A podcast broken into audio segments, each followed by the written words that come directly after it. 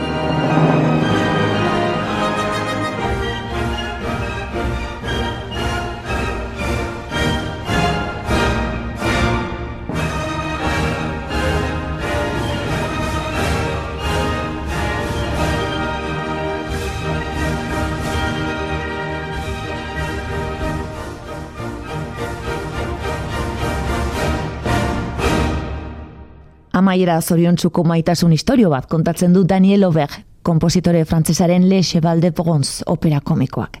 Txinan gertatzen den fantasiaz beteriko abentura batean murgilduta Venuseraino bidaiatzen dute protagonistek. Eta oso harrera ona izan zuen izan ere, emeretzigarren mendean modan zeuden Julio Berneren eleberriak Frankenstein gizon ikursezina eta antzerakoak. BBC Philharmonic Orkestra gidatzen Jean-Pascal Tortelier frantzesa izan dugu. Laurogeita amabitik 2000 eta irura zuzendu zuen eta ondoren zuzendari emeritua izendatu zuten. Klasikoak eite Eta orain bajen teklaturako, BV Bikoitza V, mila eta berrogeita amabost kontzertuaren alegroa entzutera gonbidatzen gaituzte, Murray Perahia eta St. Martin in the Fields Akademiako musikariek. Eseri lasai eta gozatu.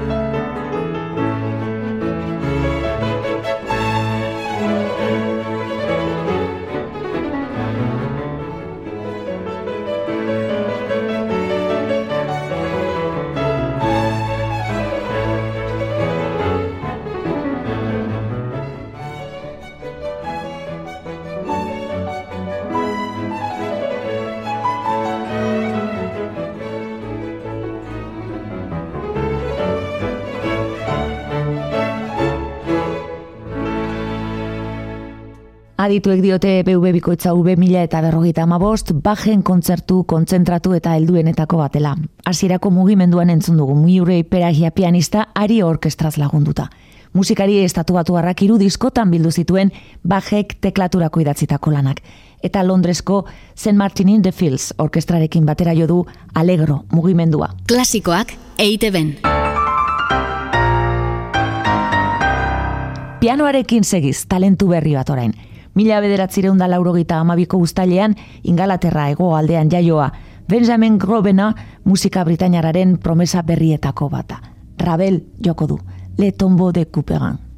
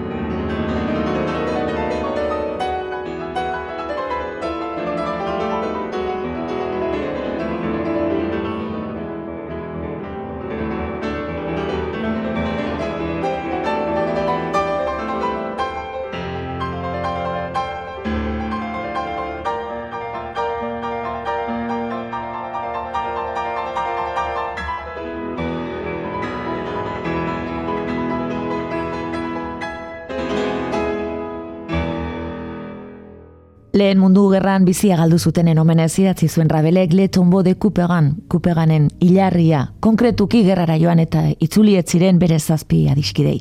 Suita osatzen duten sei mugimenduetako bakoitza lagun bati eskaini zion edo kasu batean zendutako bian haiei.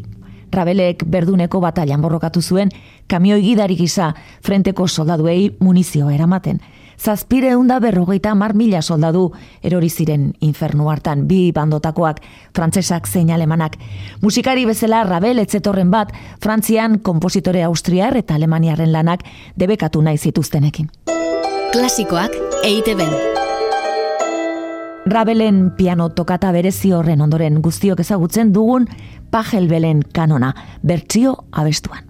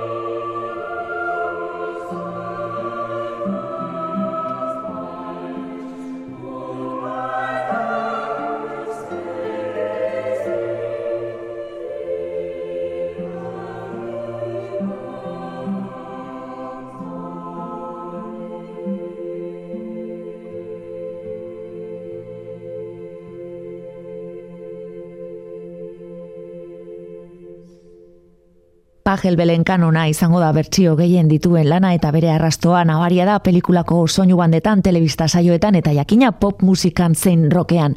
Londresko Basari Singers kanbera abez batzak kantatu du oraingoan. Jarraian berriz Julia Gooding sopranoa entzungo dugu. Arneren Where the Bee Sucks.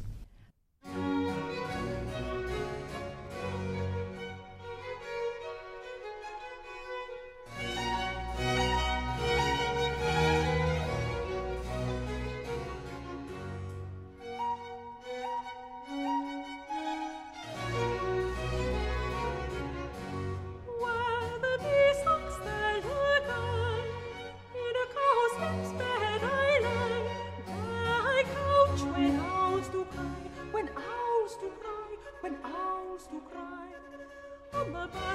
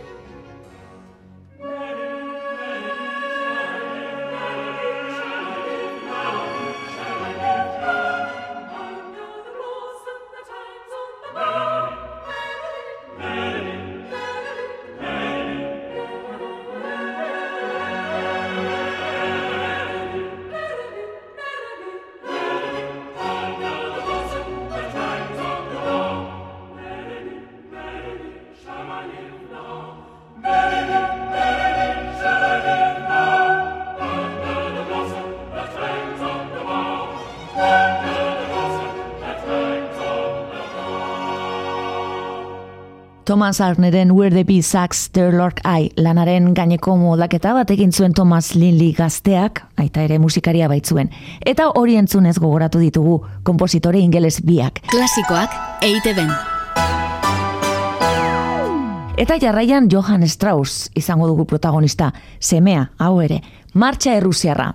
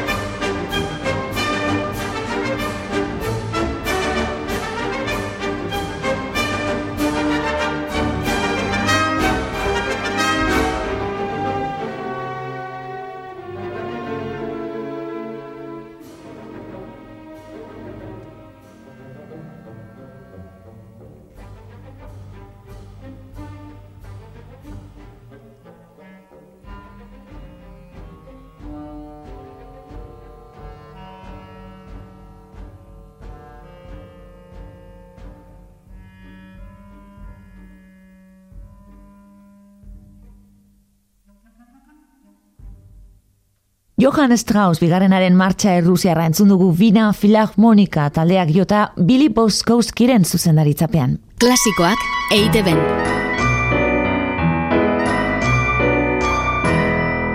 Eta orain berriz, Raúl Jiménez tenor argentinarraren ahotsean Rosiniren estabat materreko aria bat. Kuyus animam jementem, bienako filarmonikak lagunduta baina, miung buntxun ego korearraren batutapean. Ea ba.